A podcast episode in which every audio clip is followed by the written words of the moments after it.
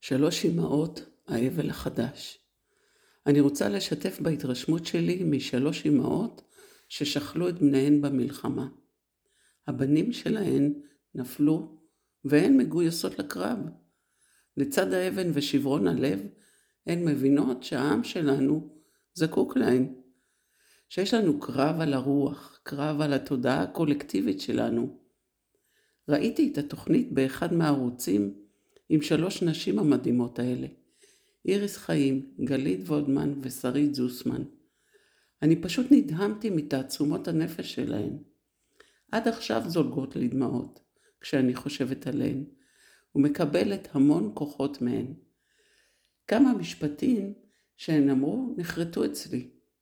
הן הסבירו שעל אף האבל הפרטי שלהן על הבנים, הן מרגישות שעם ישראל צריך אותן עכשיו, ולכן אי אפשר לחכות עד שיתאוששו מהאבל.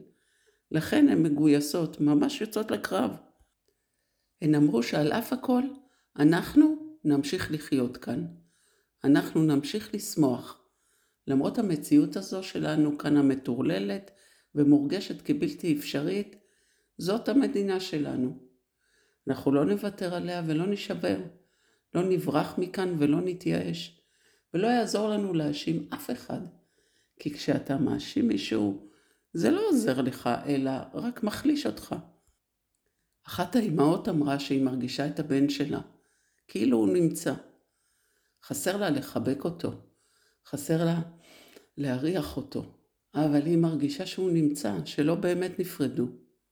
ומכיוון שהוא לא יכול יותר להשמיע את הקול שלו, התפקיד שלה זה לצעוק את הצעקה שלו.